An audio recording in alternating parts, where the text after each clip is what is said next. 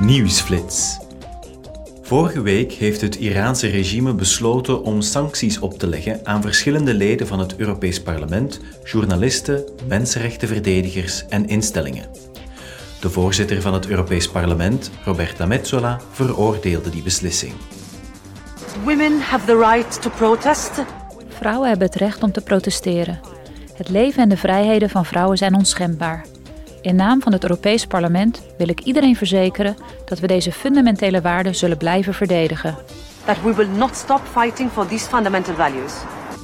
Mevrouw Metsola legde deze verklaring af tijdens haar officiële bezoek aan Letland. Vanaf 2035 mogen nieuwe auto's en bestelwagens geen koolstof meer uitstoten. Daarover zijn het parlement en de raad het eens geworden. Het gaat om de eerste overeenkomst in het kader van het zogenoemde Fit for 55-pakket. De EU heeft zich voorgenomen concrete wetten aan te nemen om de doelstellingen van de Europese Klimaatwet te halen. Dat voornemen wordt duidelijk bevestigd met deze deal, die bovendien kort voor de 27e klimaatconferentie van de VN is gesloten.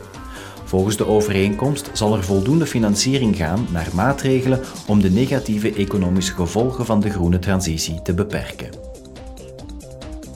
Vandaag en morgen zijn de leden van de subcommissie Belastingaangelegenheden op bezoek in Zwitserland.